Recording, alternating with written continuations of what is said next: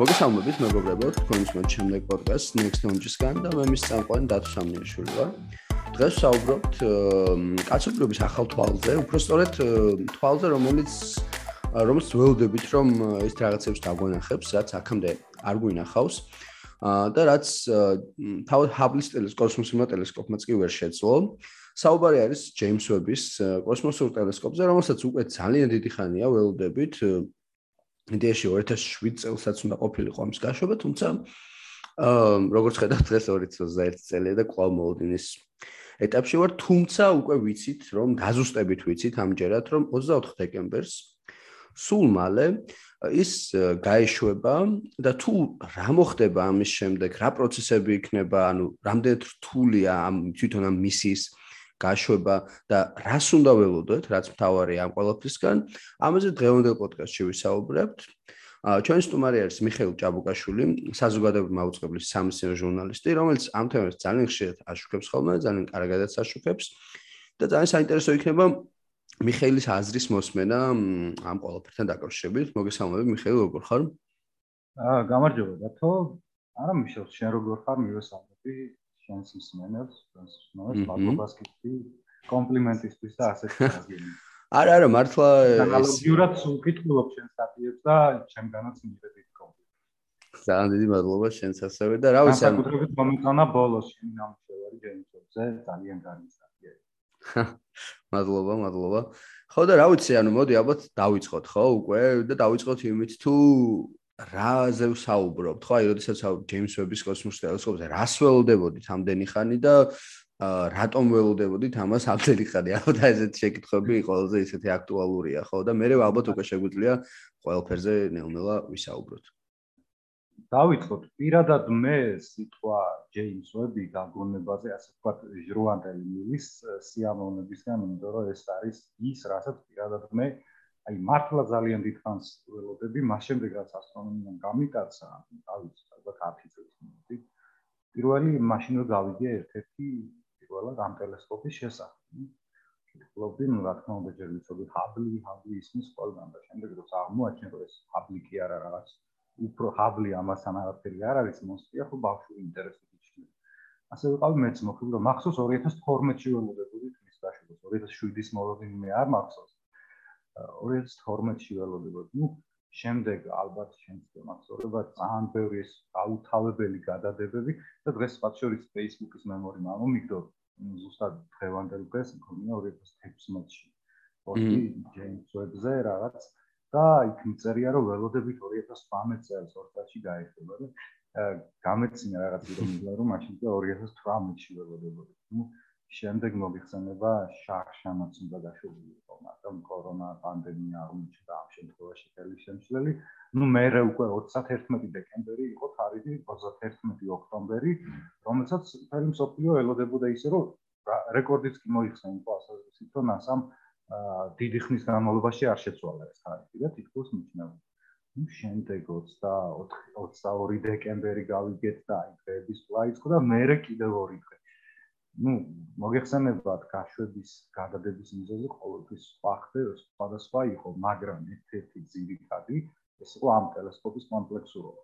ანუ იმხელა მონსტრია, იმხელა რთული მოწყობილობა, აი ფაქტობრივად თამათ შეიძლება ვთქვათ, რომ მთელი კაცობრიობის მიერ დაგროვებული მთელი ცოდნა, მთელი გამოცდილება, რაც კოსმოსის და ტექნოლოგიების თვალსაზრისით დაუგროვდა კაცობრიობას, ამ ერთ რაღაც სკოლის ავტობუსის ზომის მოწყობილობაშია თავმოყრილი.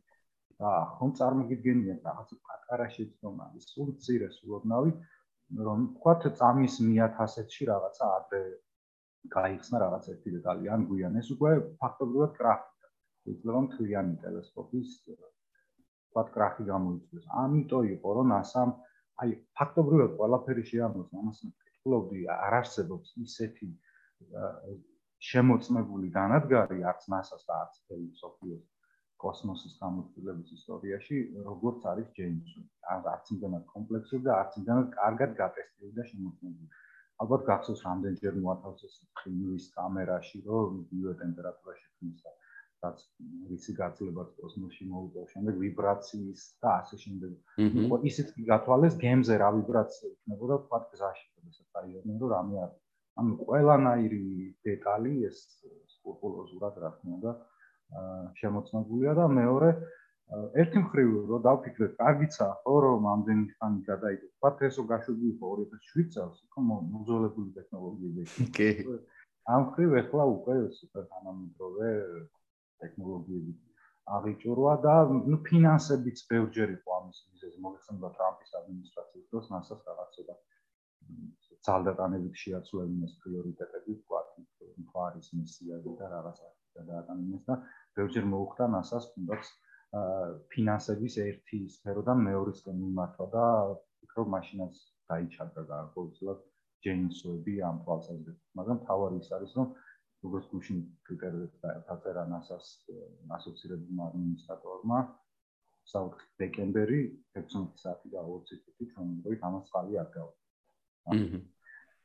ძალიან ძალიან კაი ხო და ანუ რეალურად ეხა მართლა შერასაც ამბობდი ხო ეგ ფაქტორია ძალიან მნიშვნელოვანი რომ იმდენად კომპლექსური ტელესკოპია და თვითონ მისიაც იმდენად რთულია მისი გაშვებაც ხო მე იქ სარკეების გაშლა და ასე შემდეგ რომ ანუ პასუხისგებლობა ძალიან დიდია, ხო 10 მილიარდი დოლარი დაჯდა საბოლოოდ ბიუჯეტი და რავი 10 წლების შრომა, უამრავი ადამიანის აა მე გამოყოფილი რესურსი და ეს ყველაფერი და ანუ თავი რა არის ეხა ამაზე რო ფიქრობ ხოლმე ანუ ყველაზე ეს არის კიდე ანუ ერთია გაშვება, ხო და მეორეა, როდესაც თვითონ ეს უშუალოდ ფუნქციონირებას დაიწყებს, ხო? ამასაც ალ კიდე დროჭდება. ხო, იმიტომ აი ბევრი ამბობს ხოლმე მაგაზე ეს ეს ამბობენ ხოლმე, რომ всё, როგორც იქნა 24, მაგრამ ნუ რეალურად 24 უბრალოდ რიცხვია და წინ ივნისში გვიწევს, ხო? ივნისის ბოლო გვიწევს. კი. და თან ამასთან ერთად უბრალოდ რიცხვი მე იმდენად რთული არის ხა მისის შესრულება, ხო, ანუ აი შენ თქვი რომ თითქმის ყველაფერიო გათვლილი აქვს, რაღაც ერთ-ერთ დოკუმენტურს უყურებდი და სადაც ერთ-ერთი ინჟინერი საუბრობდა. ეს შეკითხენ ზუსტად ესეთი რაღაცა რომ რამდენად იმედი გაქვთ რომ ეს ყოფილი წარმატებით დასრულდებოდა ამან უთხრა ესეთი რაღაცა რომ აი 100% თვითციო რა ანუ თუ რამე არსებობს 100%-ო ეგ ვიციო იმიტომ რომ ანუ იმდენადო კომპლექსური შრომა არის ჩადებული და ყველაფერი არისო გამოთვლილიო რომ ზუსტად უნდა დაშოშო ანუ ლოგიკური დასასრული უნდა ქონდეს ხო ხო. ხო და აი მოდი რაღაც მოდი ახლა თვითონ აი ჯეიმს თანამ უშუალოდ უკვე იმაზე გადავიდოდეთ რაც ყველაზე მთავარია მაინც ხო? ანუ ამ ტელესკოპის შესაძლებლობები და რა უნდა მივიღოთ მისგან ხო? მოდი თვითონ აი ჯეიმს ვებსაც ხო არ შევეხოთ იმიტომ რომ ჯეიმს ვებზე ცალკე იყო ხო? სკანდალი აგორებული იმ ხრივ რომ ამბობდნენ რომ ეს ჯეიმს ვები სახელი არ უნდა ერქვას. ნუ იქ იყო პეტიციები შეიქმნა დაჟე მაგაზე და ვაფშე ხო ამბობდნენ რომ რაღაც ჰომოფობიური რაღაც ჰომოფობის კუთხითაცო რაღაც ჰომოფობიაში ადანაშაულებდნენ მოკლედ და აი რა შეგვიძლია ამ თვითონ ჯეიმს ვებზე ვთქვა გარდა იმისა რომ ჰომოფობიაში ადანაშაულებდეს და რატომ ქვია ხო მისი სახელი და ჰაბლი ვიცით რომ ანუ აი ნუ უდიდესი ასტრონომი იყო ხო? ანუ ფუნდამენტური რაღაც აღმოჩნდა ის რომ სამყარო ფართოვდება და აი ჯეიმს ვების წვილზე სხვათა შორის ბევრი ამსხოლო ისეთ დიდი წვილი არ მიუძღვის ზოგადად მეცნიერებაშია და აი აი მხრივ რა შეგვიძლია ვთქვა რა?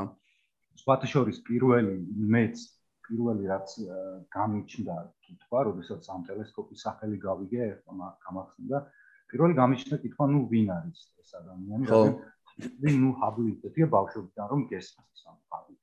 და პირველი იყო ცოტა ის უცნაურობა ჩემში, რომ ანუ ასეთი ლეგენდარული ჰაბლის მეცნიერი ებრინ ჰაბლის შემდეგ რატომ დაარქვა, თქვა, NASA-მ სახელი ისეთი ადამიანის, ვინც თქვათ არც წონით და არც მეცნიერებაში თქვათ მოვაწეობით ფართო საზოგადოებისთვის არ არის ხო იმდენად ცნობილი და გამორჩეული და რატომ შეიძლება უწოდო ამ ხელა კაცობრიობის ასეთ შედევრს რომელიც ჯერ არ შეუქმნია ამ ადამიანის სახელი ხო. ну э, მართლა საზოგადოებაში მართლა იწევს ამ სახმას მეც რომელიც ყოველდღე წერდი და რაღაც ამაზე ეცნობოდი და რაღაც მეც გამჩენია არაერთხელ ეს კითხვა, მაგრამ შემდეგ ну აი შენს კარგად გიწერია იქ შენ სტატიაში, როდესაც თუ ჩაუღმავდებით ანუ რამხელა ენთუზიაზმით და мотиваციით მუშაობდა ეს ადამიანი და რამდენი გააკეთა მან NASA-სთვის რეალურად ჯეიმს უებმა თვითონ 61 1968 წლებში აა ну მე ყველაფერი ლოგიკური გახდება და ჩემი აზრით კიდევ ამით NASA ცდილობს თქვა საკუთარი წიაღის მეცნიერების უფრო პოპულარიზაციას ამით ხო? ну ჯეიმს ვები მისი წიაღის NASA-ს უალო მკვლევარი და ხელმძღვანელი იყო აპოლოს მისიები მისი წერია ძალიან და NASA-ს როგორც ასეთი ავტორიტეტული ორგანიზაციის დამკვიდრება მეცნიერებაში. და მთლიანად ჯეიმს ვები ну რატომაც არა ვისაც რა აქვს უფლება ხო ყოველას კონდეს თავის შეხედულება ერქვას არ ერქვას მაგრამ ფაქტია რომ ეს ადამიანი მართლა გამორჩეული იყო პირადად NASA-სთვის და ტელესკოპი არის NASA-ს და მისი გადასაწყვეტია ხო რასა არის. ხო, თუმცა ის არის ძალიან საინტერესო მომენტი თქვი შენც ახლა რეალურად. ანუ მე მგონი უფრო აი საორგანიზაციო კუთხით არის იყო ხო ეს ადამიანი ვიდრე ის რა უშუალოდ რაღაცა. ის საჯა სახელმწიფო მოხელე. ხო, აი. მკვლევარი მეცნიერი თვითონ არ ყოფილი. ხო. მენეჯერი რაღაცა რომელმაც ვთქვათ მხრებით და თურქებით თუ გაიტანა ბევრი რაღაც თუნდაც მთავრობაში NASA-ს სასარგებლო. და ნუ ამას უფასებს NASA და არაფერი გასაგებია. მეორე მომენტია ეს, რომ ერთობლივი პროექტია კიდევ, ნუ ლომის წილი NASA-სია, მაგრამ კანადის და ევროპის კოსმოსური სააგენტოების, ხო, ძალიან მნიშვნელოვანი ინსტრუმენტები აქვთ მათაც შექმნილი ჯეიმს ვებისთვის. და როგორ გონია შენ არ ექნებოდა, თქვათ, მათ სურვილი თუნდაც ევროპელებს, თუ რაღაც ჩაიგვეხებინათ ევროპელებს ვარი. მაგრამ როგორც ჩანს ისინიც ვერაფერს ვერ გახდნენ ეს კანადელები ეს ევროპელები. ნუ ამ ხელა გიგანტური ევროპის კოსმოსური სააგენტო და NASA მაინც თავისი გაიტანა და ის რომ პეტიცია შე და სახელი შეცვლა რაღაც ეს უკვე იმდენად გაპიარებული და იმდენად დამკვიდრებულია ეს სახელი. მე პირადად არ ვფიქრობ რომ NASA ამას შეუცვლის სახელს და იმის არც უნდა შეეცვალოს ხო, არა, უკვე ყველანი მზად ვართ და ყველა ვიცით რომ ეს არის შეიქს. და და გამოძიებით დასტურება ის რა, ბრალდებები თქვა რასაც ისრიან ჯეიმსონის მაგ ჰომოფობიის და ხო, ნუ ეგ ცალკე თემა ახლა რეო და ეს ისეთი პერიოდი იყო რომ ანუ თვითონ მარტო ჯეიმსებზე არ არის ხო, ანუ სამყარო იყო. ხო, ნუ რა თქმა უნდა, პოლიტიკა იყო ის მაშინ და მაგას ვამბობ და ნუ მაშინ ახლა თუ ეგრე ჩაუღრმავდებით ნებისმიერი მასშტაბმა შევა მოაზროვნეს თუ მეცნიერს რაღაცა ეგეთი ისტორიულად გეტყვი. ხო, იმიტომ რომ ნუ პოლიტიკა იყო შენ თქმის არ იყოს ეგეთი და პოლიტიკასთან ერთად ზოგადად სამყარო იყო ეგეთი. ანუ აღქმად იყო, უფრო ჰომოფობიური იყო სამყარო, ხო, ვიდრე სიტყვაზე. ეხლა არის და ნუ მაშინ ხო, თუმცა ეხლა თვითონვე ნასამაც თქვა რომ ანუ აი უშუალოდ რომ ერთია რომ სამყარო იყო და შენ იმ სამყაროს ნაწილი ხარ და მეორე ისე უშუალოდ შენ რაღაც დანაშაული მიგიწვის ამ კუთხით და ამაზე შეიძლება ოკეი გასაგებია ყველაფერი მაგრამ ეს უშუალო დანაშაული მისი პირადი და რაღაც ეს არის არის არ გამოიგო ხო და შესაძლოა აი რა მაგარი მომენტი რა არის მაგალითად და აი NASA-ს დამოკიდებულება ამ შემთხვევაში თავისი ერთ-ერთი ისტორიული ფიგურის რომ რამხელა პატივცემს NASA თავის ადამიანებს მათ ვინც NASA-სთვის ბევრი რაღაც დააკეთეს რომ ასე დაგიფასოს, რომ შენი სახელი უწოდო ამ ასეთ ქმნილებას, ხო? ფაქტობრივად უკდავყოფილია ეს ადამიანი, არასოდეს აღარ მოხვდება კაცობრიობის თვალში და კაცობრიობის გონებაში, იმიტომ რომ ეს ტელესკოპ ამ ტელესკოპმა მის სახელი უკდავყო და აქ NASA-ს რამხელა როგორი დამოკიდებულება ჩანს, თუნდაც ინდა ადამიანურად რომ მივუდგეთ, როგორ უხდის ფასს ადამიანებს მისთვის. კი, კი, ხო ეგეც რაღაც ძალიან სიმბოლური გამოვიდა ხო ნასასწრიდან უშკარად რა. აა ხო და რა ვიცი, ანუ მე მგონი ჯეიმს ვებსაც მეტნაკლებად შევეხეთ, ну, ვინც არ იცოდა რაღაცა ინფორმაცია მივაწოდეთ ჯეიმს ვებზე. აა და მოდი ალბათ უკვე დავიწყოთ იმაზე საუბარი ხო, რას ველდებით 24-ში, ანუ შენ საათის თქვი მე მგონი ხო, ჩვენი დროით 16 საათი და რომელი იყო 18 საათი და 20 წუთი. აჰა, ანუ ისეთი დრო არის რეალურად რომ არ გვეძინება მაგ დროს.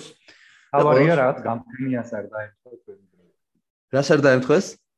გამთენიას არ დაემთხვა ჩვენი. ხო, ხო, ხო, ხო, ნამდვილად, ხო და ნუ ზოგადად ეგ პრობლემა არის ხოლმე, რომ მსგავს მისიები, როდესაც არის ხოლმე ჩვენი დროით რაღაც ან გამთენია, ან რაღაც შუაღამეა და ეგ პრობლემა ხო. ამჯერად მოკლედ ეს პრობლემა არ იქნება და ძალიანაც კარგი, ხო და ნუ რაღაცა შეგვეძლება რომ ლაივშიც გავაშუქოთ, ხო, მათ შორის როგორც ვიცი, შენც აპირებ, ხო, მე მგონი ანუ ამის. ჩვენთანაც ტელესკოპის არზე იქნება ლაივში ეს თავისი კომენტირებით და რაღაც უნდა და კი, ნუ ეს ფაქტობრივად ისეთი მოვლენაა, რომ მე ვკითხავ ყველა ნორმალურმა მედია ორგანიზაციამ, ვისაც ამ მიმართულებით ეს მიმართულება აქვს, რომ მართლაც კარგად უნდა დააშუქოს. მე როგორც თქვენ ხო კი კი ჩვენს ვაპირებთ და რაღაც ისეთი მომენტი არის ხო რა საპასუხისმგებლობა მომენტი აქვს რომ ცალკე კი ერთი სტატია იყო სხვა ჩვენ რომელიც წავიკითხე ცალკე იმაზე იყო მთელი ეს სტატია ეძღვნებოდა იმას მეცნიერების კომენტარები იყო რომლებიც ამ ამაზე მუშაობს და როგორ ნერვიულობდნენ ან განიცდიან და ერთი არ მოიდგინე ახლა მათი თავში რა ხდება ახლა ხო ანუ სრული სრული დაძაბულობა და მთელი ამდენი წლის შრომა და უცებ რომ რაღაცა მოხდეს და ერთია რომ შენ ეს შრომა ჩადეხა ერთია რომ მე და რაღაცა გავაკეთოთ ეხა და მე გავუშვათ და ნუ ოკეი არ გაამართლა და ის ჩვენია და მეორეა რომ ეს უკვე ანუ მათი არაა ხომ ხო ეს არის რაღაც მათი ნაშრომა კაცობრიობის წინაშე და კაცობრიობის შრომა გამოდის. მე კაცობრიობის საკუთრება მახსოვდება. ხო და ნუ რაღაც ძალიან ძალიან დაარტყავს ეს ურად ანუ ეს ძალიან რეალურად დაარტყავს იმიტომ რომ წარმოიდგინე ხა ერთია რომ შენ რაღაცა მისია და მეორეა რომ ამდენი წელი ცდილობენ და ეს თვითონ იმისაც დაარტყავს ძალიან მეცნიერების NASA-ს ზოგადად რომ სრული კრახი, სრული კატასტროფა და ეს რა ვიცი, წარმოდგენა არ მინდა პირადად მე რა შეიძლება მოხდეს ამ მისის კრახის შემთხვევაში. ხო, ანუ მეცნიერებისთვის იქნება პირველ რიგში ძალიან დამამცირებელი, რომ ანუ ამ ხელა რაღაც ან დაგადადგმული ძალიან დიდი ნაბიჯი და ნუ რა ვიცი. არ არ არ ჩემთავს ვაჯერებ და ეს არ ხო არა მეც ძალიან დიდი იმედი მაქვს მაგის და აა ხო და მოდი დავიწყოთ მოკლედ მაშინ ანუ ესე იგი 24-ში აი დასველდებით პირველ პირველი რა იქნება ანუ ეს გაშვების პროცესზე თუ შეგვიძლია რომ ვისაუბროთ. აა მათ შორის ეს იმაზე ამბობენ რომ მისი ჩადება რთული იყო და დაკეცეს თითქოს რაღაცა ორი გამივით და მე უნდა გაიშალოს ეს ხო და ამ პროცესს თუ შეგვიძლია რომ ვისაუბროთ რას უნდა ველოდეთ რაღაცა ტრეილერივით რომ გამოგვივიდეს ესეთი ზეპირი. გაშვება ერთ-ერთი ყველაზე საკვანძო ეტაპია, ფაქტობრივად ის, რასაც ხელი ამდენი 10 წლების განმავლობაში ქმნიდნენ, მთელი ეს შრომა და მილიარდობით დოლარი და რაღაც, უნდა გადაწყვიტოს სადღაც ერთმა წუთმა. წარმოიდგინე, ანუ ვაითვლება ეს და რომ მოწყდება რაკეტა დეგამიწას, ანუ სანამ ორბიტაზე გაიტანს და გამოეყოფა ხო სადღაც რამდენიმე წუთი გრძელდება ეს ყველაფერი და აი ეს არის გადამწყვეტი და რა თქმა უნდა ამ ხელა ამ ხელა პროდუქტს და ასეთი აწლების ნორმალობაში შექმნის ხო NASA უბრალო რაკეტით არ გაუშვება. Ну იყო იქ ამბები რომ რატომ თქვა SpaceX არ აშვებინებს მაგრამ აქ ჩემი ვარაუდით აქ უკვე ის მომენტია რომ კერძო კომპანია SpaceX-ი და თლად ბოლომდე თქვა ვერანდო NASA მილონ მასკს უნდა. ამიტომ აირჩიეს ეს ფრანგული რაკეტა არიანე 5 ევროპის კოსმოსური სააგენტოსი, რომელიც ითვლება ერთ-ერთ ყველაზე ძლავ და მოწინავე ამ მიმართულებით და უბრალოდ გუშინ მეცნობოდი ამ რაკეტის ისტორიაში სულ 53 გაშვება არის ნახორციელებული ამ რაკეტით და 39-ია წარმატებული. ანუ 4 იყო კრახი. ну იქ კი მეცნიერების აზრებიც იყო რომ არა ეს შეუძლებელია ამ შემთხვევაში ისია ყველაფერი რომ ასე შემოწმებული მაგრამ მაინც ხო იცი არ ძინავს რა შემოწმება და რაკეტა მოთავსებულია როგორც ჩვენ აღნიშნე უკვე დაკეცილი და რაკეტაშია მოთავსებული ჯეიმსები ორი მოთავსეს. როგორც წესი ხომალდებს უშვებენ ხოლმე იმ პოზიციაში ვითიც უნდა იყოს ორბიტაზე კოსმოსში რა საბოლოო პოზიცია.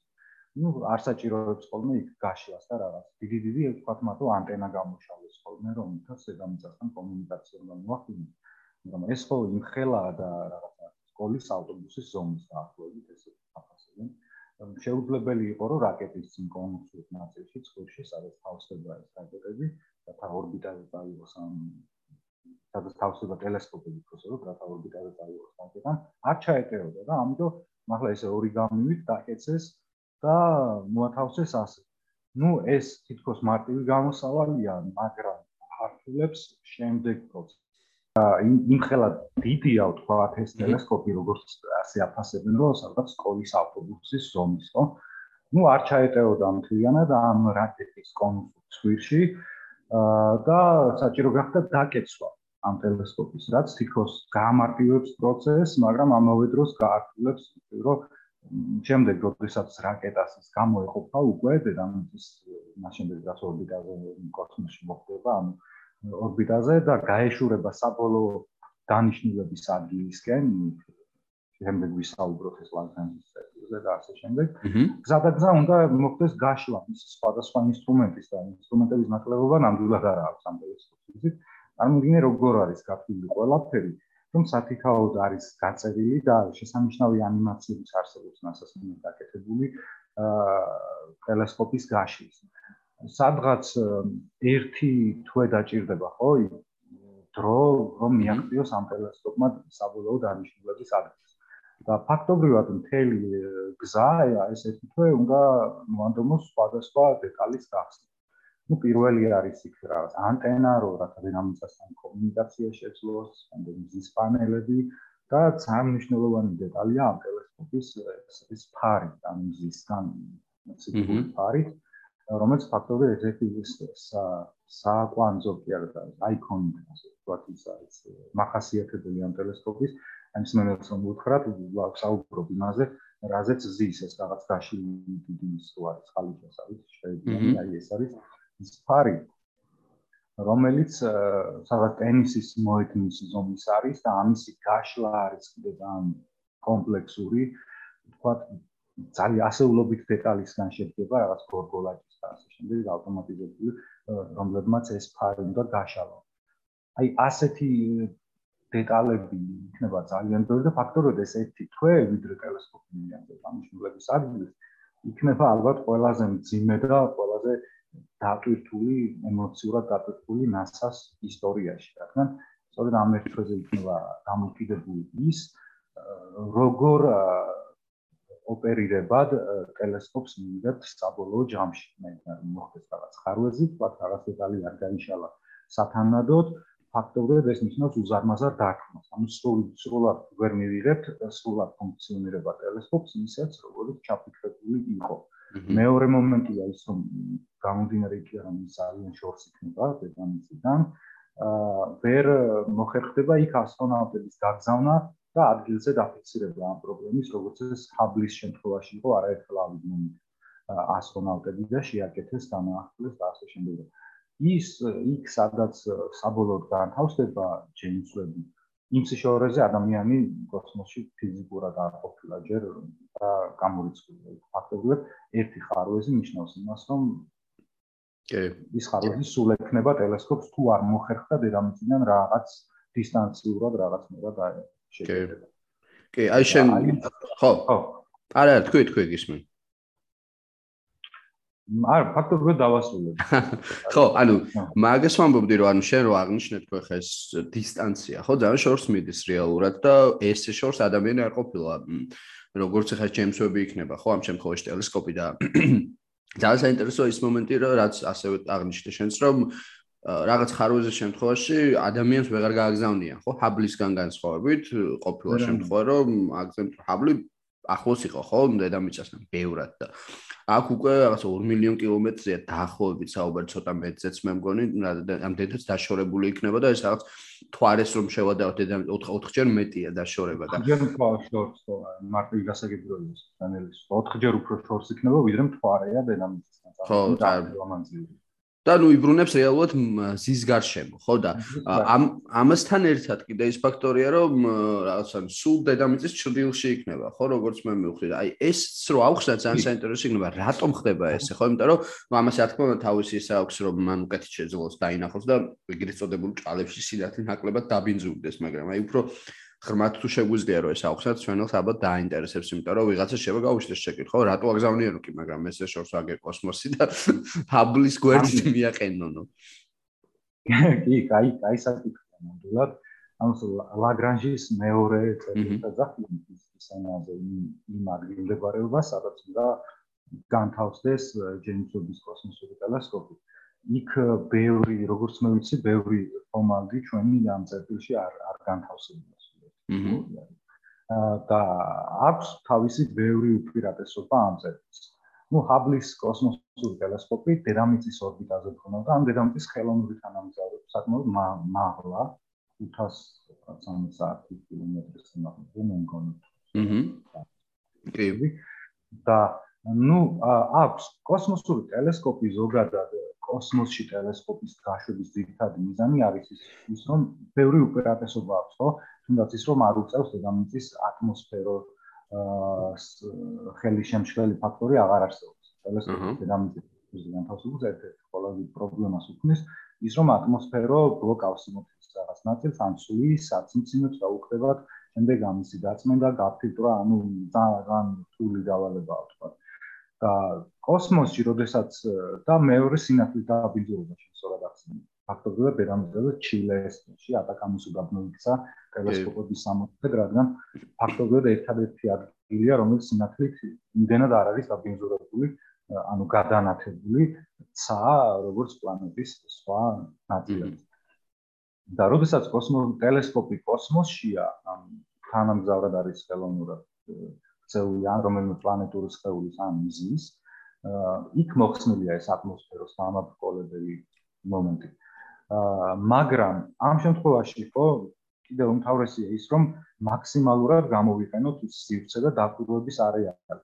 დედამიწის ორბიტა არ თავაზობს იმხელა შესაძლებლობებს კოსმოსის იმხელა მონაკვეთზე დაკვირვების საშუალება შეიძლება და აქვს ბევრი ის მომენტიც რომ თქვა შეიძლება იმ საფანადოდ სწორ ადგილას არ იყოს ჰაბი როდესაც რაღაც ხდება თქვა უცბად აფეთქდა რაღაც სუპერნოვა ან რაღაც და ჰაბი ამ დროს დედამიწის სხვა მხარეზე სანამ იქნიოს და როდესაც ის მოძრაობს ხელოვნურ ტელესკოპი არა დედამიწის მზის გარშემო გაცილებით ფართო ხედვის კუთხე ექნება ხო და არეალი დამოდინე ძალიან დიდ მონაკვეთებს დააკვირდება ცის და მეორე როგორც შემთხვევით სწორად დედამიწის გასწორები მოძრავებს მუდმივად ამ მზის გარშემო.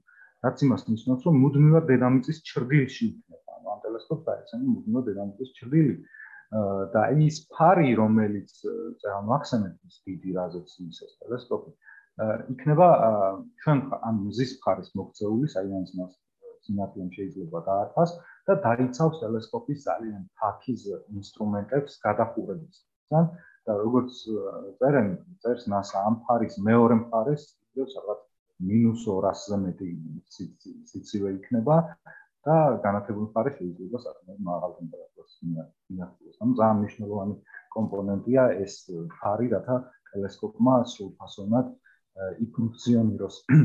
ხოდა ასე რომ მზის გარშემო ორბიტა გაცილებით ხელსაყრელია და დაკვირვების უფრო მეტ შესაძლებლობებს იძლევა თუ სწორად მახსოვს კეპლერის კოსმოსური ტელესკოპიც ათ გარდაცვლილებს ფალოში. ანუ პენსიაზე დაასრულა მის აღარ არის ფუნქციონირებადი მზის გარშემო მოძრაობდა. კი. ნამდვილად. ანუ ზოგადად კოსმოსურ ტელესკოპების მომავალი ჩემი აზრით არის ეს ამ მზის გარშემო მოძრაობა და რა ვთქვა დედამიწის ორბიტა. აჰა. ხო კი ბატონო ხო აი გამ საინტერესოა ნამდვილად ეს მომენტი ისეთია რომ ძალიან შორს როა და რაღაცა რომ მოხდეს და რო ვერ მიდიხარ ფიზიკურად ხო ფაქტობრივად რა მომენტია იცი ეს უპირატესობა რომ გამოიყენო, რასაც ეს წერტილი გაძლევს, ამ სააშორეული წერტილი 2 მილიონი კილომეტრი, ხო, თქვა. ეს რომ გამოიყენო, უნდა რისკზე წახვიდე. ანუ თუ გარისკავ, გააჩენ ორი დაგიდგება ორი მოცემულობა. მიიღებ ან ძალიან მაგარ ტელესკოპს, რომელიც იდეალურ ადგილას იქნება ყველანაირი დაკვირვებისთვის, რაც მის მიზანს წარმოადგენს, ან მეორე რისკი ის რომ თუ რაღაც სათანადოდ არ წავიდა ისე როგორც დაგეგმილიყო, ვეღარ გამოასწორო. როგორც ჩანს უღირდა NASA-ს ამ რისკად ეს წერტილი. ხო, ხო, ну, ალბათ იმედი გვაქვს ყოველ შემთხვევაში, რომ ეს ყველაფერი ქართულელი აქვს და აღარ იქნება საჭირო იქ ჰაბლივით რაღაც მსგაშვება. აა და რაც კიდე ძალიან საინტერესო არის ოპერირების ესე ვთქვათ ფუნქციონირების არის რომ 5 წელიო ამბობენ, მაგრამ ნუ რეალურად 10 წელი იმუშავებსო ეს ესე. ეს ხო, ეს ძალიან ფორმალური მომენტია ხოლმე და თქო შეიძლება ჰაბლიდანაც.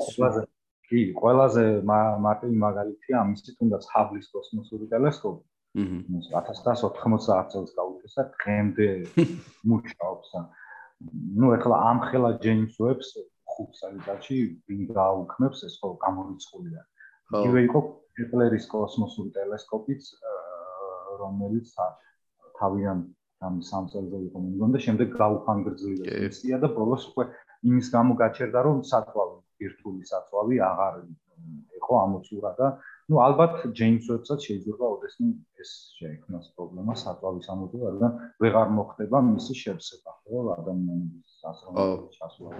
ხო, ну კიდევ ამ გახანგრძლივების მარტივი მაგალითია მარსის მარსმავე. აჰა. ну როგორც წესი უშობენ ხოლმე რაღაცა 1 წელი, 2 წელი, მაგრამ curiosity ბრენდე დაიარება და რა სურათებს ირებს მასის ზედაპირზე და რა კვლევებს აკარებს კი ხედავთ ანუ ეს ეჭვგარეშია აი თამამად შეიძლება ითქვას რომ მინიმუმ 20 წელი ჯენსები კაცობრიობის სამსახურში ეს იმას გავს რა რაღაც რაღაცას პროდუქტს რო ყიდულობ და გარანტია რო აქვს საკალითად რო გეუბნებიან 2 წელი აქვს ტელევიზორს გარანტია. ნუ მაგრამ ძალიან სიმბოლურია. ხო 2 წელიწადში იმას არ ნიშნავს რომ ეს ტელევიზორი დააიღო და გადააგდო ფანჯრი და ძალიან დიდხანს შეიძლება მინიმალური არის ხოლმე ის რომ იმუშაოს ანუ ეს საუკეთესოდ მაქსიმალური ნაკლები კი. და ის რომ ის შემდეგ შეიძლება რაღაც ცირადი ფარველი შექმნას ისეთი რის გამოც ტელესკოპი აღარ იყოს თავისი მოწოდების სიმაღლეზე, ნუ მაქსიმუმზე შესაძლებლობების. კი, და აი ხანგრძლივობებზე რო საუბრობთ, ჰაბლიც ვახსენეთ და ნუ ეს ჰაბლის მომენტი კიდე ცალკე ის არის, უკვე რამდენჯერ გაითიშა წელს ხდებოდა ესენი, რომ ისეთ პრობლემები ქონდა, რომ ნუ რაღაცა მოკლედ შეიძლება ვეღარ აღვადგინოთ, თელი ამბები იყო და ну, რა ვიცი, აღადგინდეს ნაწილობი, მაგრამ აი ხა ესეთი შეკითხვა გამიჩნდა, რომ ანუ თუ თუ კი არა და დიდი იმედია, რომ ჯეიმსები რო ამოქმედება, ჰაბლი დარჩება, საჭირო იქნება საერთოდ? თუ შეგვიძლია თამამად თქვა, რომ ეს ჰაბლის გამგზელებელია ჯეიმსები და ჰაბლი აღაზრდოზე უკვე შეგვიძლია რომ მიესვენოს, დაისვენოს, განესვენოს. აი, კარგი, კარგი საკითხია ეგ რაზეც მეცნიერებს შორისაც მიდის აქტიური განხილვა და დებატები, იმიტომ რომ რა უნდა აკეთოს ჰაბლმა მას შემდეგ, რაც ჯერჯერობით დაიწყებს მუშაობას. ну მე ვფიქრობ ჰაბლს არავინ არ გაფიშავს და მიიყვანენ იქამდე ვიდრე საგამდეც გაძლებს ან მაგალითად ვიცნობ საწვავის სადამიწეყოფ ანუ მაგრამ ფაქტია რომ NASA აღარ შეიწუქებს თავს როდესაც ამოეწურებოდ საწვავი აღარ გაგზავნის არავის ამ საწვავის მარაგის შესაძლებლობა და როდესაც რაღაც სერიოზული გაუფუჭდება აღარ მგონია რომ იმ ხელა ზავის ხმევა ვთქვათ, გამოიჩინოს კიდევ მის შესაკეთებლად, როგორც აქამდე აკეთებდნენ, რომ ჰაბლი შეუცვლელი იყო და ერთადერთი იმედი იყო კაცობრიობის ვთქვათ, ესეთი ბრმა კოსმოსის კვლევაში. მაგრამ ჰაბლი საადამდეც იქნება ოპერირებადი, ალბათ მე ვფიქრობ შეუცვლიან რაღაც იმარ დანიშნულებას, ანუ რაღაც კონკრეტული მონაკვეთი შეიძლება მისცენცის, ან კონკრეტული ობიექტები. ვთქვათ, ისეთები, ისეთი დაკვირვებების ჩატარება, რომლებსაც ისიც კარგად შეასრულებს და ჯეიმს უებს უფრო სხვა უფრო დიდ და რაღაც შორეულ სიღრმეებზე გადართავენ კოსმოსს და ჰაბს ალბათ უფრო რაღაც მარტივ დავალებებს შეასრულებინება. ხამდე ვიდრე შეძლებს. და ნუ საინტერესოა კიდე მე როდესაც ამოწურავს თავის მისია საბოლოოდ ჰაბლი რას უზამენ. ნუ თქოლობი ადრე არის ესეთი მოსაზრება რომ შეიძლება მოხდეს ისი მოხსნა ორბიტიდან ჩამოტანა დედამიწაზე და მუზეუმში განთავსება. ანუ ეს იქნება ძალიან მაგარი ვარიანტი, ვიდრე ის, რომ ატმოსფეროში შემოიტანონ და დამწვან კლაცნარი ოკეანის თავზე. ხო, ნამდვილად. ნამდვილად ხო ესე უბრალოდ დასაწვავოთ ნამდვილად ცოდოები თუ ეს რამდენი რაღაც შეძლო, ხო? როგორც კასინი გაუკეთეს თქვა. კი. ხო და აი ეხლა საუბრობთ ჰაბლზეც ხო რეალურად აი მოდი ალბათ ესეც ძალიან საინტერესო იქნება და მსვენელსაც ძალიან დაინტერესებს მე მგონია რომ ანუ აი ფუნქციურ დონეზე რო შევადაროთ ანუ ჰაბლი და ჯეიმს ვები ანუ რაში ჯობია ჯეიმს ვები რატომ ველოდებით რომ ჯეიმს ვებმა შეიძლება უკეთესი რაღაცები აღმოაჩინოს და აფიქსოს ნუ გარდა იმისა რა თქმა უნდა ხა გინდაც კომპიუტერულ დონეზე მოწყობილობა სად 90-იანებში რო გაუშვეს სად დღევანდელი მაგრამ ამის გარდა ხო არის კიდე რაღაცები რაც უშუალოდ ამ ტელესკოპს უფრო მძლავრს ხდის და ნელ-ნელა უკვე აქედან ალბათ შეგვიძლია მთავარზე და რაღაც იმისკენ საბოლოო იმისკენ წავიდეთ თუ რას ველოდებით ჯეიმსებისკენ საბოლოო ჯამში. ჯერ ალბათ შევადაროთ ესენი და მე ალბათ უკვე შეგვიძლია რომ მთავარი ვთქვათ რის იმედი გვაქვს ჯეიმსებისკენ. Ну ცხადია პირველი რაც მეტყველებს ჯეიმსების აღმატებულ შესაძლებლობებს ჰაბლისაზე არის ასაკი, ხო? როგორც შემოგვიწევს. 90-იან 90 წელს 90 წელს გაუშვეს ან 90 წელს 990 წელს გაუშვეს ნიშნავს იმას რომ მასში კიდევ უფრო ადრინდელი ტექნოლოგიები გამოყენებული ხო ხო მუშაობა წინა წლებში მიმდინარეობდა ფაქტობრივად 85-დან ან 1985 წლიდან თქვა. ნუ შემდეგ განაახლეს კი შეუცვალეს სარკეც, რაღაც სხვადასხვა დეტალები, მაგრამ სადეხლა განახლება და იქ შეკეთება, ნუ რა და შეზღუდულია ეს ხო, ჯერ როგორი ძვირია გავუშვი კოსმოსში ასტრონავტები, მეორე რამდენ კვირტს გაატანით, როგორ დაუყენებენ. ფაქტია, რომ ეს არ არის ეს შეკეთებაც, თქვა ძალიან ისეთი გამოსავალი კარგი როგორიც დედამიწაზევე აწყობა იქნება და ჯეიმს ვების შემთხვევაში უკვე ადგილზე გვაქვს ტელესკოპს აქვს ყველაფერი და შესაძლებლობების თვალსაზრისით ელემენტარული ყველაზე მარტივი რო ავიღოთ, ეს არის ზომა, ხო? 2 მეტრი ნახევარია, მე მგონი ჰაბლის საკე, ანუ ტელესკოპის მთავარი იარაღი, მთავარი ნაწილი, რითაც ხედავს ის სამყაროს და ჯეიმს ვების მგონი 6 მეტრი ნახევარია ეს კი კი კი ნამდვილად ეგრეა და აი ეს მეტყველებს უკვე და შემდეგ რაღაც მინდა დეტალებს რომ ჩავყვეთ ფაქტობრივად გამოდის მე მგონი 600-ჯერ თუ რაღაც შენ გეწერა ამახოს თქვა უფრო ძლავრად და ძლავრი იქნება ანუ შესაძლებლობების თუ სიმართლის შემჩნევის პლასაზრის ვიდრე იყო ჰაბი ანუ ჰაბლის კოსმოსურმა ტელესკოპმა თავის დროზე გადაატრიალა ასტრონომია მოახდინა თამამად შეიძლება ითქვას ევოლუცია და დღეს რაც ვიცით სამყაროს შესახებ აჰა კოსმოსის შესახებ ამისი ლომის წილი მოდის ჰაბლის კოსმოსურ ტელესკოპზე. და წარმოიდგინეთ ჯეიმს ვების უხეშად მოხდა ჯეიმს ვების კოსმოსური ტელესკოპი რას იზამს. ანუ კიდევ უფრო რამხელა რევოლუციას მოახდენს ა სამყაროს კვლევაში. აი ხანდახან პირადად მე ამაზე რომ ვფიქრობ, მაიცა რამ დასაწყისში თუ ჟურნალისტები მიგლისხმούν და ერთადერთი ოცნება ამ შედა რომ აი მეტად ცოცხალი იყო, ვიცოცხლო, მანამდე არაფერი დამიმართოს, რომ მოვესწრო ამ ტელესკოპის მიღწევებს და აღმოჩენებს. ну ეს ძალიან დიდხანს გაგრძელდება, მისი აღმოჩენები და ძალიან გავალი წელი გაგვანებიურებს აღმოჩენებით. და აღმოჩენები ბევრი იქნება იმ თვალსაზრისით, თუნდაც კიდევ რომ ოპერირების დიაპაზონი ну ჰაბლი თუ მუშაობდა ხილულ სინათლეში ძირითადად ანუ ხილო იმავე სინათლეს აკვირდებოდა, რასაც ჩვენ ხედავთ, ხო, ადამიანის თვალი. და ჯეიმს ვები იმუშავებს ინფრაწითელ დიაპაზონში, ანუ სიტკურ დიაპაზონში, რაც და მოგეხსენებათ ასე იმიტომ დააკეთეს, რომ ინფრაწითელი გამოსხივება უფრო მდგრადია და უფრო კარგად ვრცელდება მტვერში და იმ გაზის და რაღაც პრობლემებში, რომელიც კოსმოსში ვარსკვლავს შორის და გალაქტიკას მათ შორის სივრცეში ნაწილობრივ უხვად არის და ხელის შემშლელ ფაქტორს წარმოადგენს მოძრავ ფილული სინათლის შემთხვევაში. და ინფრაწითელის გამოსხება ამ აქ უფრო კარგად ვრცელდება. და აი კარგი შედარებას ავლებენ ხოლმე, რომ ამ ფაქტორებს სითბოს აღიქვამს სხვადასხვა შორეული ობიექტების და იმდენად გრძნობია, გრძნობიარეა, რომ თვარის ზედაპირზე რომ ბუზი იჯდეს დედამიწიდან ის სითბოს დააფიქსირებს და აი ეს წარმოუდგენელი რაღაც არის. ანუ შენ კარგად გქონდა დასახაურებული სტატია კაცობრიობის ახალი თვალი გახდება უკიდეგანო სამყაროში. კი. და ის შემდეგ მოყვეთავ დეტალურად ალბათ რა გამიზნები იქნება და რას დავაპირებო.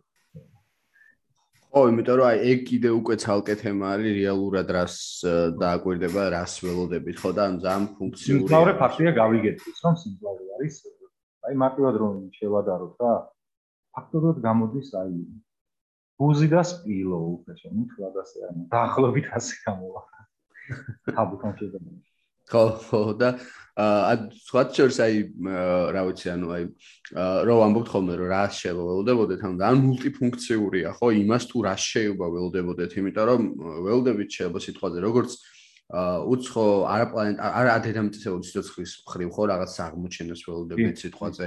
აა ველოდებით რომ უფრო შორეულ წარსულში გაიხედავს ხო? და ნუ ეს ვიცით ყველამ რომ რაც უფრო შორს იხედები და რაც უფრო შორეულ სინათლეს აფიქსირებ, შესაბამისად უფრო შორეულ წარსულს ხედავთ და ასტრონომები, ესე ვთქვათ, რაღაც გაგებით დროში მოგზაურები არიან, ხო, ამ კუთხით და ჰაბლი ხო წარსულის მეცნიერება. ხო, ხო, იმიტომ რომ ისედაც ხო არ გჭირდება რომ ასტრონომი იყო, როდესაც საში ხედები და ხედავ შორეულ ვარსკვლავებს რაღაცა, უგეწარსულს ხედავ შენ მათსას და ნუ ნუ ზოგადად აი მსვენელის ჯვინჩებს თემარიცოს, იმასაც ვიტყვით რომ მაგალითად ეგივე მზეს რომ უყურებ, მზიდან ინფორმაცია 8 წუთით დაგვიანებით მოდის, უფრო სწორად სინათლე სჭირდება აი ეს დრო რომ გადავახოს ეს მანძილი, ხო და ხო, უხეშად რომ თქვა მზე რომ ჩაქრეს 8 წუთში დავინახავ ჩვენ. კი ბატონო, სხვა შორს ფილმები ქართული ესეთი გადაღებული არის თუ გას მოკლემეტრაჟიანი ნახე 8 წუთი ქვია და მაღაზია რომ მზეკრება 8 წუთს ვერე იგებენ რომ მზეკრება და მაღაზია ეს ფილმი. ხო ბოკლემეტრაჟი ცოტა ნახევად კომედია არის მაგრამ აი ეს მომენტი მანდაც არის. ხო და ეგეთი მომენტია რა მოკლედ რომ ჩვენ გვინდა ესე ვთქვა ჯეიმსობით რომ გავიხედოთ ძალიან შორი და ძალიან შორი არის მილიარდობით წლით უკან რაც ჰაბლმა შეძლო რაღაც მხრივ მაგრამ ნუ იმედი გვაქვს რომ ეს კიდე უფრო შორს გაიხედავს ხო და აი ეს თემაც რომ ჩავშალოთ ალბათ საინტერესო იქნება და რამდენად ჩავს გვინდა რომ გავიხედოთ და რაზე არის საუბარი, რა გვინდა რომ დავინახოთ, ხო? ну იდეაში საუბარი ალბათ galaktikების პირველი ვარსკვლავების გაჩენაზე და რამდენად ჩორს შენი აზრით ყოველ შემთხვევაში შეუძლია რომ მართლა გაიხედო რა პოტენციალი აქვს? მაქსიმუმი რომ გაწუროს ესე ვთქვა თავისი რას ველოდებით მოგეხსენებათ მაგ დიდი აფეთქება 13.8 წლის წლის ის არა 13.8 მილიარდი წლის წინ მოხდა ხო? და ჰაბლის კოსმოსური ტელესკოპი ძალიან წვალობდა მაშინ რომ დაენახა უშუალოდ დიდი აფეთქების შემდეგი რამდენიმე მილიონი წლის პერიოდი. ანუ მოხდა დიდი აფეთქება გავიდა თქვა 100 მილიონი წელი 200 მილიონი წელი და აი რა პროცესები მიმდინარეობდა რა ხდებოდა ჰაბლ ძალიან უჭირდა ამისი დაყვება, მხოლოდ რამდენიმე galaktikis დაფიქსირება შეძლო და კვაზი კვაზარის ამ galaktikis ცენტრში დასობი აქტიური სუპერმასიური შავი ხვრელის ანახვა ისის დიდი აფექტებიდან დაახლოებით 600-700 მილიონი წლის შემდეგ პერიოდში შეძლო ამის დანახვა. მაგრამ იმისათვის რათა პასუხი გავცეთ ფუნდამენტურ კითხვებს სამყაროს შესახებ, ანუ როგორ მოეწყო ეს ყველაფერი, რა პრინციპები და ფიზიკის რა კანონები მოქმედებდა.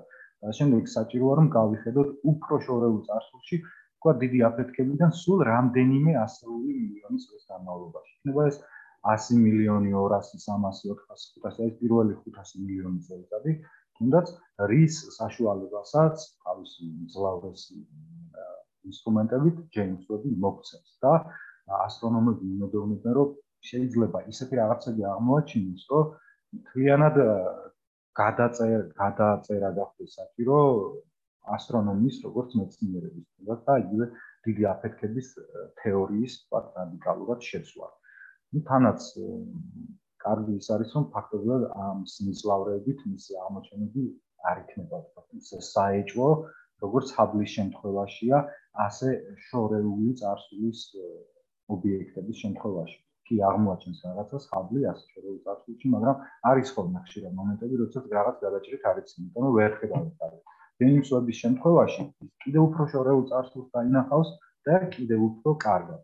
ну, ძირითადად აინტერესებს და დაკვირვებების 50%-ს დაკვირვებათა დროის 50%-ს ჯეიმსოდის წაიღებს აი ეს სამყაროს შორეული, ანუ ადრეულ დღეებს უწოდებენ ასტრონომები, აა კვლევა.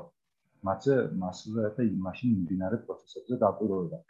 აინტერესებს როგორ გაჩნდა პირველი ვარსკვლავების სამყაროში. მოგეხსენებათ პირველი თაობის ვარსკვლავების ეძახიან მათ და დღესაც არის აღმოჩენილი რამდენიმე ვარსკვლავი პერიოდის რომელიც რადიკალურად განსხვავდება თქვა შემდეგი თავის ვარსკვლავისგან, იმიტომ რომ მას არ აქვს ძიმე ელემენტები, რომლითაც შემდეგი თავის ვარსკვლავი გამოირჩევიან. მაგრამ როგორ გაჩნდა დიდი აფეთქებიდან რამდენ ხანში გაჩნდა, რა პროცესების შედეგად გაჩნდა. შემდეგ როგორ წარმოქმნა ამ ვარსკვლავებმა და მაშინ გაჩენილმა სხვადასხვა ობიექტებმა galaktikები ვთქვათ ის შავი ხვრელი ამ galaktikების ცენტრში სუპერმასიური ეს არის მონსტრები რომლებიც მილიონობით და მილიარდობით მზის მასას შეიცავენ თავის სიახში როგორ ჩამოყალიბდა და ფორმა როგორ მიიღო ну იქ ბნელი მატერიის მომენტზე. აი ამ ყველაფერს ჯეიმს ვების ტელესკოპი მაქსიმუმს დააკეთებს, რაც რაღაცა დეტალურად შეაგროვოს მონაცემები ყველა ამ პროცესის შესახებ. და მეორე მომენტი რაც მე პირადად ცოტა გულდასაწყვეტი და ის მომენტი არის, რომ წარმოიდგინე ამ რაოდენობით მონაცემს ტელესკოპი გამოაგზავნოს, მაგრამ ის დამუშავება რამდენ დროს საიებს, რამდენ ენერგიას, მოხსენებათ კეპლერის კოსმოსური ტელესკოპის მონაცემებს, რომელიც ეგზოპლანეტებს ნადირობდა, დღემდე უკვე 2017-ში 18-დან აღარ მუშაობს კეპლერი, მაგრამ მის მონაცემებს ამუშავებენ დღემდე. და ხომ წარმოვიდგენიათ ჯეიმს ვების შემთხვევაში რამდენი ხანი დაჭირდება მონაცემთა ანალიზს და სუპერკომპიუტერების დამუშავებას. და მეორე მისიას გადავიდეთ და თუ კი კი კი კი კი. ხო ხო. მეორე შენ სწორად აღნიშნე ეს ტელესკოპი არის ძალიან მრავალფუნქციური. აჰა. აი მაგალითად NASA-ს აქვს როგორც წესი ტელესკოპები, როგორც კოსმოსური, ისე მიწისპირა რაღაც კონკრეტული ობიექტების საფრის მიძღვნილი. მაგალითად ან კონკრეტული რაღაც დიაპაზონისთვის. არის ტელესკოპი იო ჩანდრა რომელიც მხოლოდ რენტგენულ დიაპაზონში აქტივდება არის ტელესკოპი მაგალითად ტესი ახალი კეპლერის კოსმოსური ტელესკოპის მოდი რომელიც მხოლოდ ეგზოპლანეტებზე ნადირობს. არის რომელიც თქვა მხოლოდ ბნელ მატერიაზე და და ასე შემდეგ და ასე შემდეგ. აი ჯეიმს ვები თავისი კომპლექსური ერთ აპარატში ერთ მოწყობილობაში აერთიანებს რამდენიმე ტელესკოპს. ანუ საითმედი ვარ რომ მეორე მთავარი მისია ვების მიზანი იქნება ეგზოპლანეტებზე, ანუ მზის სისტემის იქით სხვა ვარსკვლავების გარშემო მოძრავი პლანეტების აღმოჩენა და დაფიქსირება. ნუ ეს ტრანზიტის მეთოდით ნადირებს, ასე ვთქვათ, ამ პლანეტების ზე, მათ აღმოჩენაზე, ტრანზიტი აი ცნობებს რომ მარტივად ავუხსნათ. არის, როდესაც, ну, მოგეხსენებათ ვარსკვლავის გარშემო მოძრაობს პლანეტები, ხო? და თუ ეს ვარსკვლავი ისეა ამ ვარსკვლავის გარშემო პლანეტები ჩვენი გადმოსახედიდან ისე მოძრაობენ, რომ მოძრაობისას რომელიმე პლანეტა ჩვენსა და ამ თავის ვარსკვლავს შორის გაივლის, გამოჩნდება ჩრდილი, ხო? აი უხეშად რომ თორ მზის დაბნელებისას როგორც თო არე გაიგვის ხოლმე მზესა და დედამიწაში. გამოჩნდება პატარა ჩაბნელება. ამას უწოდებენ ტრანზიტს. ეს ტელესკოპი შეძლებს ამ სინათლის უმცირესი ჩაბნელების, ანუ ამოდით რა უნდა ჩააბნელოს ამ სინათლის რაღაც პლანეტამ თავისი ვარსკვლავის სინათლე, როდესაც მის წინ გაიგოს. ამის საფუძველზე, ამ ჩაბნელების საფუძველზე ასე მუშაობდა კეპლერის კოსმოსური ტელესკოპი, ასე მუშაობს ესიც და ჯეიმს ვებიც ასე მუშაობს და აგენს ის არის პლანეტა თუ სპასხეული, რა მასა აქვს, როგორი აქვს ატმოსფერო და აი იმ ხელა შესაძლებლობები ექნებაო, როგორც ამბობენ ასე ჯეიმს ვებს, რომ გარკვეულწილად შეიძლება ასეთი ეგზოპლანეტების ზედაპირის გადაღებაც კი შეგვიძლია. ხომ ხომ წარმოგიდგენია რამდენს ნიშნავს ასე გიშია მეორე ამ ეგზოპლანეტების ატმოსფერული შემადგენლობის გარკვევა შეიძლება. ანუ თუ დააფიქსირა ეგზოპლანეტა ჯეიმსონმა ანუ ამ ვარსკვლავის ატმოსფეროში როდესაც გამოივლის თავისი დედა ვარსკვლავის სინათლე იქ სპექტრი შემდეგ რაღაც სპექტრს დააშლიან მოხშალ ვთქვათ და ამის საფუძველზე დაადგენენ შემდეგ არქივ ამაზე მონაცემებში რისგან შედგება ამ ვარსკვლავის ატმოსფერო. ანუ არის წყალბადი, ჟანგბადი, მეთანი, აზოტი თუ რა ელემენტები სხვადასხვა და ფაქტობრივად ანუ თუ იქ აღმოაჩინეს რამდენიმე აირზე აქვს სწორებაზე და ნახშირორ ჟანგზე და მეთანზე თუ იქ დააფიქსირეს დიდი რაოდენობით ერთი ან მეორე ეს შეიძლება იყოსო თქვათ იქ არსებული სიცოცხლის პროდუქტი ეს არის და შემდეგ უკვე კიდევ დეტალურ კვლევებს ჩაუტარებენ, ანუ თქვათ გადაგებენ სხვა რაღაც დაკვირვებას და ამ პლანეტას დააკვირდებიან უფრო დეტალურად. როგორც ერთ-ერთმა კვლევარმა ასტრონომმა დიდი თქვათ ანალიზების შედეგად გამოთვალა, ჯეიმს უებმა შეიძლება სულ რაღაც 20 წუთში შეძლოს იმის დადგენა, არის თუ არა ესეთის პლანეტა პოტენციალურად სიცოცხლისთვის ვარგისი, ან შეიძლება იქ უკვე იყოს რაღაც სიცოცხლის ნიშნები. შეიძლება სულ რაღაც 20 საათში დაადგინოსო ჯეიმსონმა საუბარია ძალიან შორეულ პლანეტაზე, ჩვენგან ასობით და ათასობით სინათლის წლის მანძილით დაშორებული. ანუ ეგზოპლანეტების მეცნიერება ხო ნამდვილად ის არის დღეს კოსმოსის კვლევაში, რაც ყველაზე მეტად აინტერესებს საზოგადოებას და ჩემი გამოცდილებით ვეუბნები ალბათ ჩემს ტექნოლოგიებს შემჩნეული, როდესაც დაწერ რაიმე ეგზოპლანეტაზე, აი ბევრი კითხულობს, ძალიან ბევრი ადამიანი აღმოჩენილი. მithumetes არამიწიერი სიცოცხლე, ხო?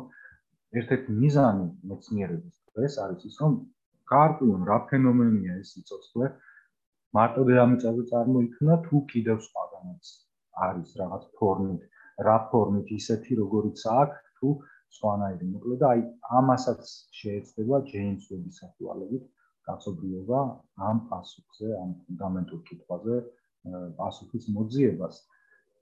და მე ვფიქრობ, რომ ამ ხილაც რევოლუცია გულოდება წინ ეგზოპლანეტების და არამიწიერი სიცოცხლის ზებნის თვალსაზრისით, ჩემი თვალსაზრისით. ხო, კიდევ ერთი მავიწყდებოდა მზის სისტემის ობიექტებს. ხო, ეგ უნდა მეთქვა. ის იუპიტერი, სატურნი და აი პირადად მე ყველაზე მეტად გამიხარდა ევროპას ამბავი იუპიტერის მომობილი თანამგზავრის მის მრავალ მხრივარის გამორჩეული სხეული თემზის სისტემაში თუნდაც იმით რომ დიდი რაოდენობით წყალია მის ზედაპირქვეშ და ასე შემდეგ და ერთ-ერთი ყველაზე კარგი კანდიდატია მზის სისტემის შიგნით არამიწიერი სიცოცხლის არსებობის თვალსაზრისით. მოიხსენებათ ეს გეიზერები იქნება მის მეტაკვიდან და ასე.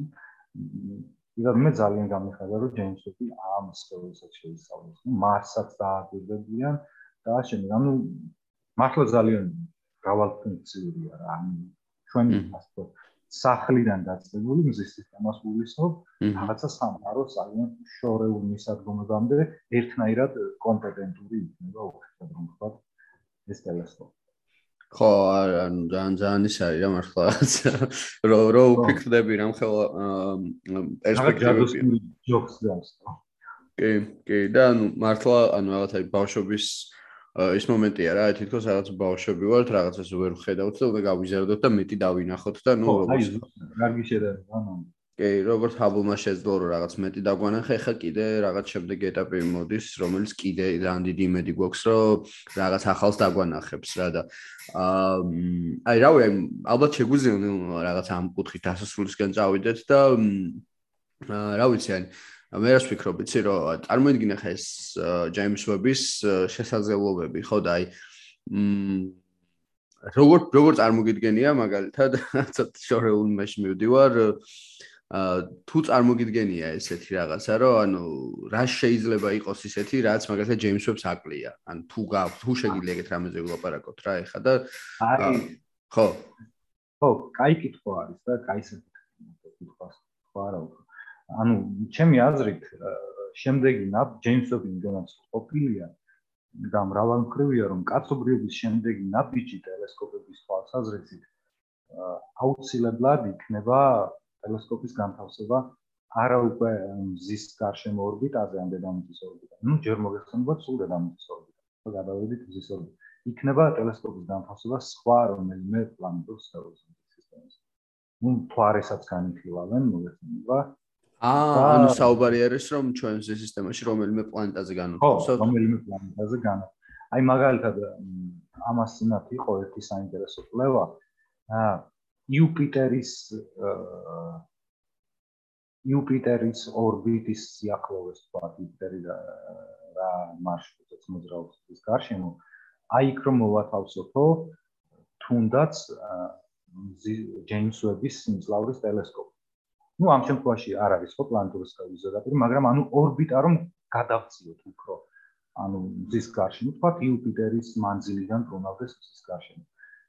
რაღაც წარმოუდგენელი შესაძლებლობები ექნებაო ანუ გაცილებით გაზრდის ხო მე აი ხო შეკითხვა გამიშდა ანუ რატო ექნება? სიტყვაზე განსაკუთრებული ის თუ ნაც იუპიტერთან ახლოს იქნება ანუ არ არ იქნება ისე ახლოს რო თქვა ჩიმისტიოს იუპიტერს ან რაღაც ხელი შემშლელი ფაქტორი იყოს ну როგორ ჩანს ის რომ იქიდან უფრო თქვა გამჯვის ქარი ნაკლებად შეიძლება იყოს ამას მას ხელი შეუშალოს. აა, მზისგან კიდე უფრო დაშორებული მაგაზე საუბარი.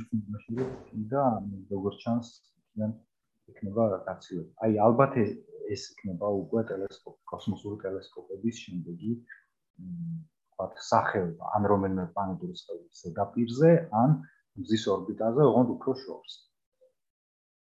ო, ანუ და წარმოიდგინე ხა ამასთან ერთად კიდე მაგას დამატებული ის რომ თვითონ იუპიტერს და მის თანაგზავრებს როგორ შეისწავლეთ ეგეთი რაღაცა. ხო, აბშე ყველაფერი გვეცოინებოდა როგორც ახ კუჩაში. კი, მოგეხსენება.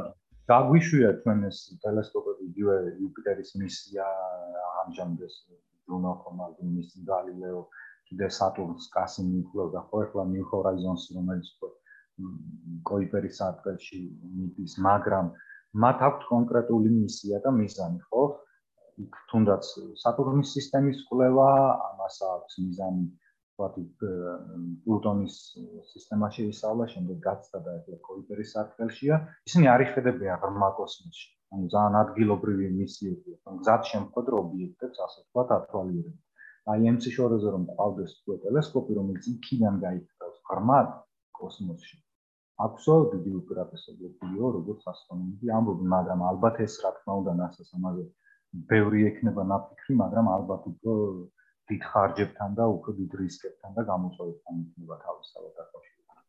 აი ახლა როცა გამოვიან გარეშე სიტყვაზე აა კიდე 20 წელიწადში თუ მოხდა ამის გაშვება, ჩვენ იდეაში მოვესწრებთ. ნუ ლოგიკურად ან ჩვენ ბიოლოგიური აიბის შეიძლება თუ და მოვესწრებთ ყოველ შემთხვევაში და აი ევროპას მისიას ველოდებ პირადად რომელიც 24 წელს უნდა დაიწყოს ევროპაზე. ევროპა კრიპერი იქ ჩავა 20 საათში. კონტექსტში. რომ ძალიან საინტერესო უნდა ვიდეოები კიდე ვენერას მისიები აქტიურად როგორც ჩანს NASA მართალია გული დამწყდა რომ ურანისა ნეპტუნის მისიები გააუქმა და ორ მისიას გააგზავნეს ის ვენერას. ძალიან მნიშვნელოვანი ფაქტობრივად ეს პლანეტა დედამიწის დოგილ პლანეტას გახდა. დედამიწა იყო და არსებობს ფიცებულებები იმისა რომ ვენერა ერთ დროს ოკეანეებით დაფარული რაღაცა პლანეტა იყო და რა დაემართა შემდეგ რატომ გადაკეთდა ასეთ ჯოჯოხეთად სათბურის ეფექტის გამო პროდუქციის რაც დედამიწასაც ემუქრება მომავალში კლიმატის ცვლილების გამო და ნუ გადაწყვეტა ნასამ რომ ამ ხრივ ვენერა უფრო მნიშვნელოვანია უფრო სასარგებლო იქნება ადამიანის და კაცობრიობის მომავლისთვის აი მართლა ძალიან საინტერესო იქნება მივიწყებულა საბჭოთა კავშირის პლანეტაზე დახვდნენ მაგრამ საბჭოთა კავშირის გადა არ ამის ზედა რუკურები და მოიცალა ამის მასა. ანუ ძალიან მრავალფეროვანი ინსტიტუტია კიდე მომავალში.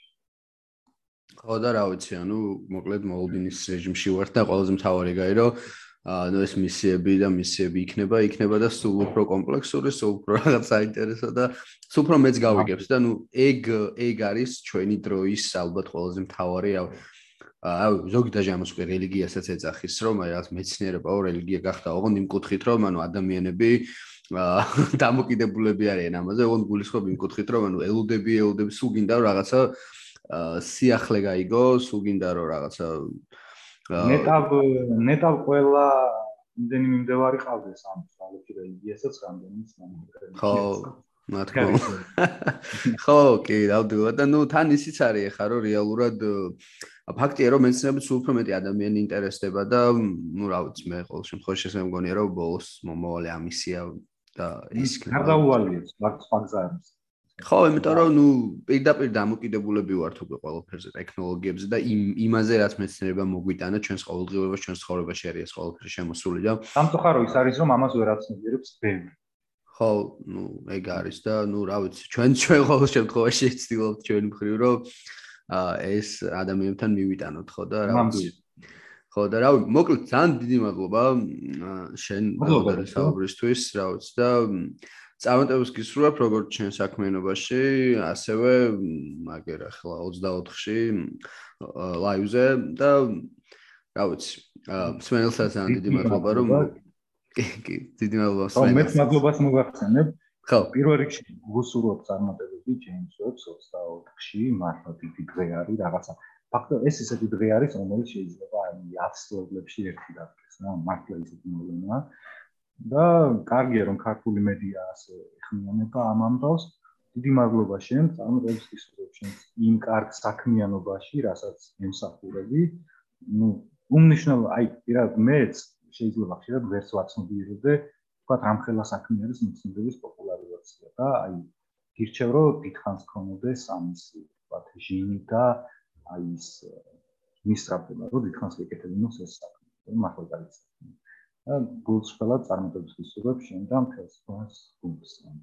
ასევე ანალოგიური შეგვიძლია გითხრა და რა ჩემცეც ეს ყველაფერი ძალიან ის არის რა ესე ვთქვათ რა ანუ ყოველ შემთხვევაში მე მიმაჩნია რომ ჩემი ცხოვრება ამას შემიძლია დაუთმოდას რა ვიცი ძალიან ის არის ჩემს პატივია ცოტა იმ პათეტიკაში გადავედით მაგრამ ეგრეა. მოკლედ და მოკლედ ძალიან დიდი მადლობა და რა ვიცი მსვენელსაც დავიმშვიდობოთ და მასაც მადლობა გადავხადოთ იმისთვის რომ გვისმენს.